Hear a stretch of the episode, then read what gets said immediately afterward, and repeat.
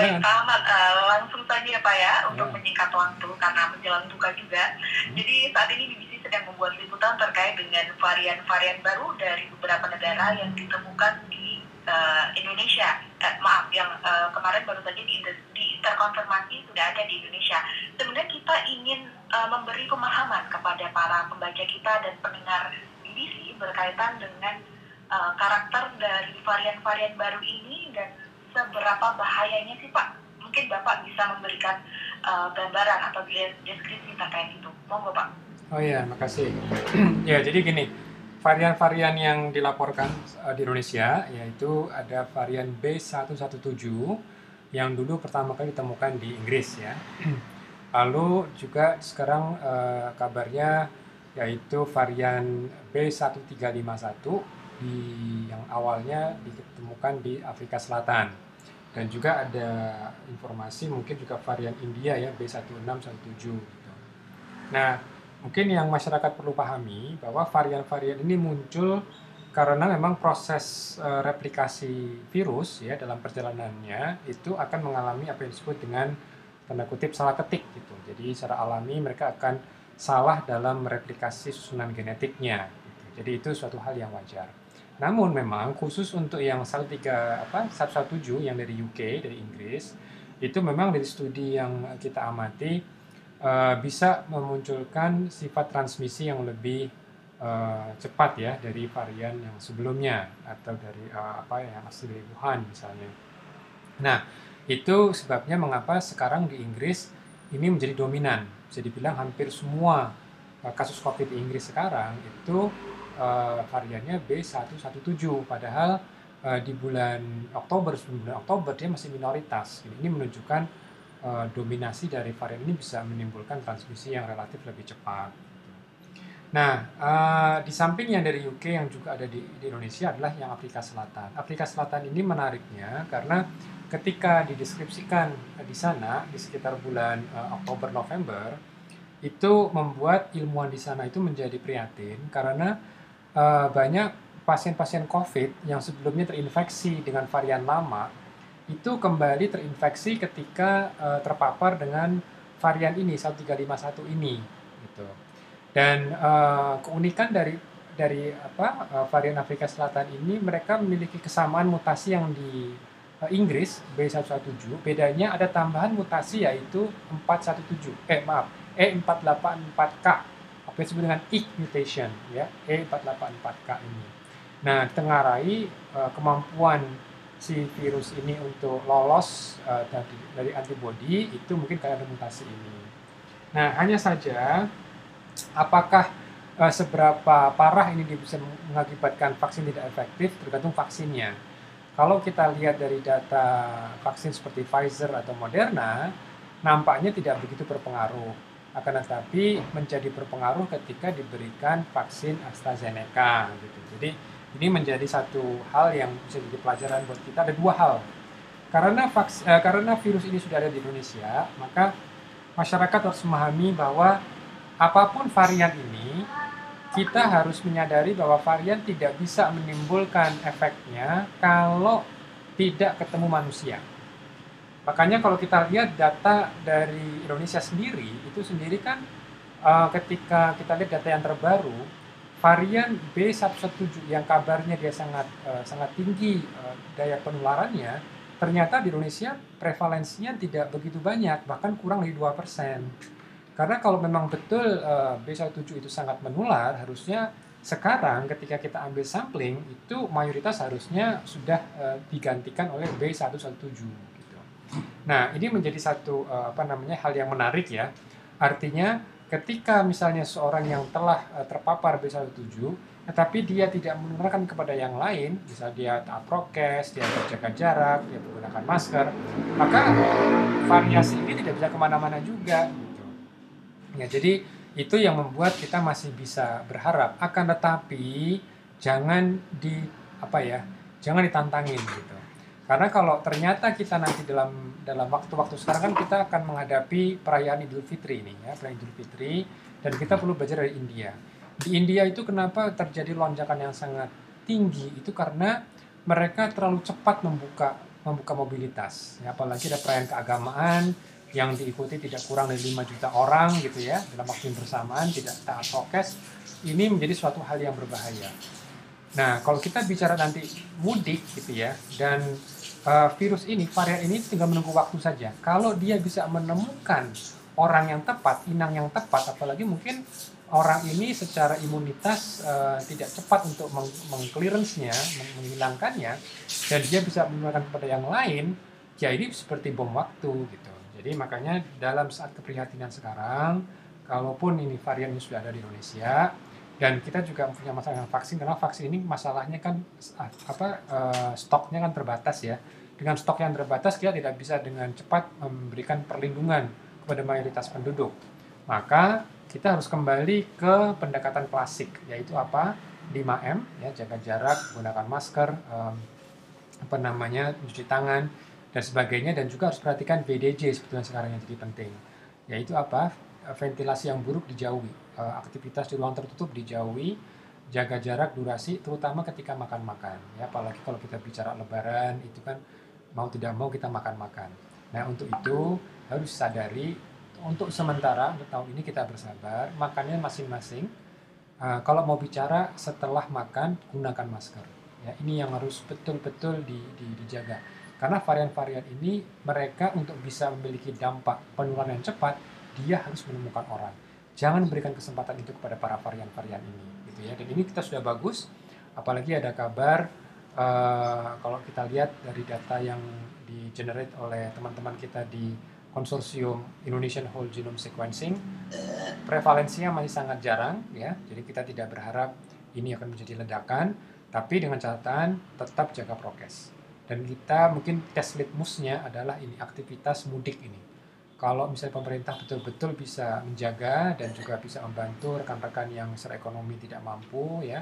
Karena jangan sampai gara-gara mereka di, dikendalikan mobilitasnya mereka tidak bisa survive ya. Karena ini juga satu hal yang harus diperhatikan juga terkait dengan uh, ekonomi ya. Terutama uh, sandang pangan papan ya. Konsumsi bahan pokok itu juga harus tetap dijaga uh, karena kita tidak ingin mobilitas uh, menjadi tidak terkendali tapi kita juga ingin pastikan uh, kesejahteraan rekan-rekan juga harus dibantu. Itu mungkin yang harus kita uh, waspadai. Uh, Pak, tapi kalau berkaitan dengan uh, ada yang menarik terkait dengan uh, varian dari uh, Afrika, Afrika Selatan ya Pak. Kita hmm. tahu bahwa itu baru diumumkan oleh Menkes kemarin, sementara yeah. insidennya sendiri sudah ternyata sudah terjadi pada 24 Januari lalu dan uh, orang yang terpapar varian tersebut sudah meninggal. Hmm. Nah, kalau menurut Bapak sendiri, uh, apakah apa yang jadi masalah di sini Pak? Kenapa insiden uh, kasus pada dua uh, pada awal tahun lalu baru terdeteksi, baru uh, terkonfirmasi sekarang? Ya, perlu kita ingat ya, untuk melakukan genome sequencing itu adalah suatu kemewahan. Ya, ini bukan sesuatu yang bisa rutin dikerjakan karena biayanya mahal, dan uh, perlu keahlian khusus. Nah, memang kalau kita bicara keahlian, insya Allah Indonesia siap karena kita punya banyak sekali ilmuwan yang bisa melakukan itu. Namun mengenai biayanya itu memang mahal sekali, gitu kan. Dan memang uh, apa yang kita lakukan kan samplingnya dari dari sampel-sampel lama. Kita belum bisa melakukan seperti Inggris misalnya. Di Inggris itu mereka dalam melakukan sampling itu sangat agresif ya. Jadi ketika ada kasus penularan, ada klaster-klaster yang penting ya di mana banyak sekali kasus positif dalam satu klaster, mereka segera sequence secara genom ya. Mereka melakukan next gen sequencing. Nah, Indonesia masalahnya kita tidak punya kemewahan itu.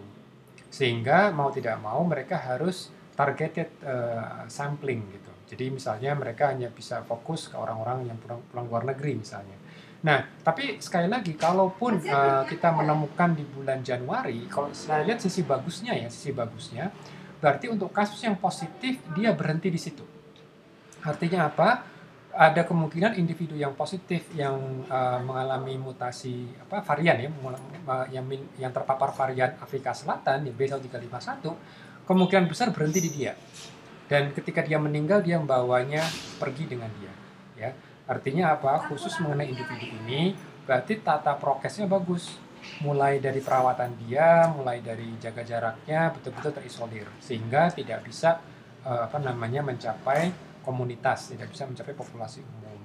Nah, ini yang menjadi satu catatan kita karena kalau kita ingat ya uh, bahwa yang namanya varian ini dia perlu manusia sebagai perantaranya gitu. Jadi kalau misalnya sampai sekarang dipantau itu khusus dari Afrika Selatan itu kan uh, prevalensinya bahkan kurang dari 2% baik B17 maupun South Africa itu kalau kita lihat kita sudah sequence sekitar hampir 700 uh, genom dan uh, yang positif B17 itu mungkin cuma sekitar 13 ya kurang dari 2% dan untuk South Africa mungkin bahkan kurang dari itu lagi gitu lebih sedikit lagi gitu. Jadi di situ uh, ada dua kemungkinan berarti prokes kita lumayan bagus ya atau memang uh, apa namanya uh, tadi si si varian ini tidak menemukan inang gitu. Nah, maka dari itu penting untuk kita jaga. Atau kalau kemungkinan terburuk sebetulnya sudah uh, ada, ya sudah banyak sekarang beredar di masyarakat yang tidak terdeteksi. Tapi kalau ini memang seperti ini berarti nightmare, berarti ini mimpi, mimpi buruk ya.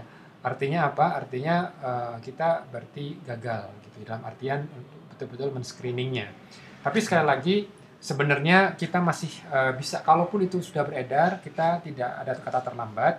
Tetap jaga prokes, tetap jaga jarak, dan yang mungkin harus diwaspadai di samping uh, mudik ini adalah persiapan sekolah. Karena ingat, uh, salah satu alasan kenapa B17 itu masih bisa menular di Inggris, padahal Inggris mengalami lockdown, satu hal yang mereka tidak lockdown yaitu sekolah, tatap muka sekolah. Dan ini menjadi satu penularan yang menarik karena oleh anak-anak.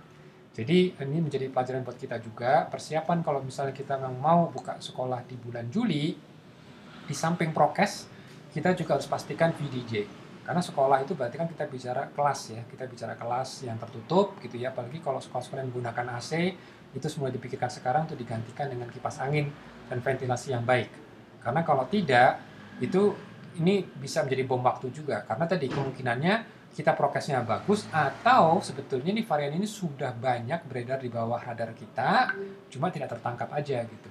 Dan kalau memang ini benar ini juga bisa menyusahkan program vaksinasi karena uh, Afrika Selatan ini memiliki mutasi yang menarik yaitu mutasi IK ya, E, uh, E484K dan dia memang bisa mengurangi uh, efektivitas vaksin walaupun sebetulnya memang untuk beberapa vaksin dia masih oke. Okay. Tapi kalau jangan sampai nauzubillah kalau misalnya E484K mutasi ini yang ditemukan di varian B1351 ini menjadi dominan, ya kita mungkin nggak bisa menggunakan AstraZeneca. Kita harus menggunakan vaksin yang lain seperti Novavax misalnya yang masih ada efektivitas 65% ya kalau kita lihat dari data Afrika Selatan uji klinis di sana.